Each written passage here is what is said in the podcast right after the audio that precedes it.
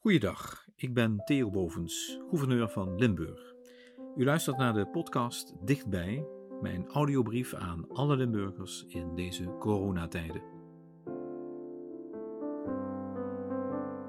Zaterdag 2 mei 2020.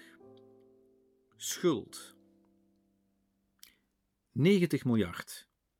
Met een pakket van deze omvang wil de regering de financiële gevolgen van corona bestrijden. Wat een bedrag!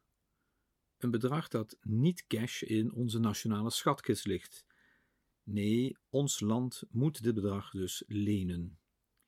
En dat blijkt totaal geen probleem te zijn. Omdat de economie de laatste jaren zo goed draaide, zijn er genoeg fondsen en banken die zo'n bedrag graag aan ons, het rijke Nederland, uitlenen. Hiermee laat ons land dus wel de staatsschuld met die 90 miljard oplopen. Om uit de crisis te komen, steken wij ons allemaal collectief in de schulden. En samen zullen wij die schulden een keer moeten terugbetalen, uitgesmeerd over een aantal jaren. Want ook een overheid moet de schuldeisers betalen, anders kom je een volgende keer een stuk lastiger aan geld. Maar wat in het groot gebeurt, gebeurt natuurlijk ook in het klein. Dus ook bij veel burgers, bedrijven, verenigingen, instellingen en lokale overheden. Als je niet beschikt over veel spaargeld, geen oude sok met geld onder de matras hebt liggen, en je uitgaven stijgen of lopen door terwijl de inkomsten verminderen of opdrogen, rest maar één andere optie: geld lenen krediet vragen en dus schulden maken. Mijn ouders waren nog van een generatie waarin men bang was schulden te maken. Zij hebben het grootste deel van hun leven hun woning gehuurd, omdat het afsluiten van een hypotheek het aangaan van een hele grote schuld betekende.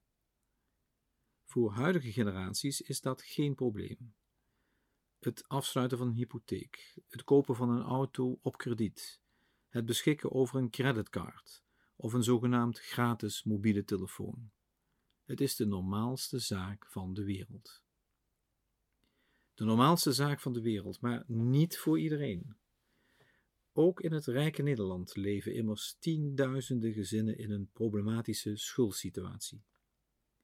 Er is onvoldoende inkomen om de meest noodzakelijke uitgaven te bekostigen.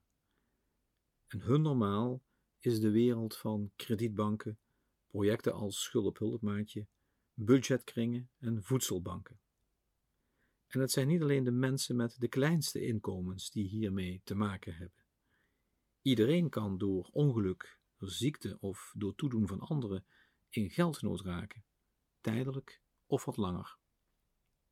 Dat geldt ook voor ondernemers, ZZP'ers en bedrijven waar klanten, opdrachten of markten wegvallen. Corona zal ongetwijfeld meer mensen en bedrijven in de schulden duwen.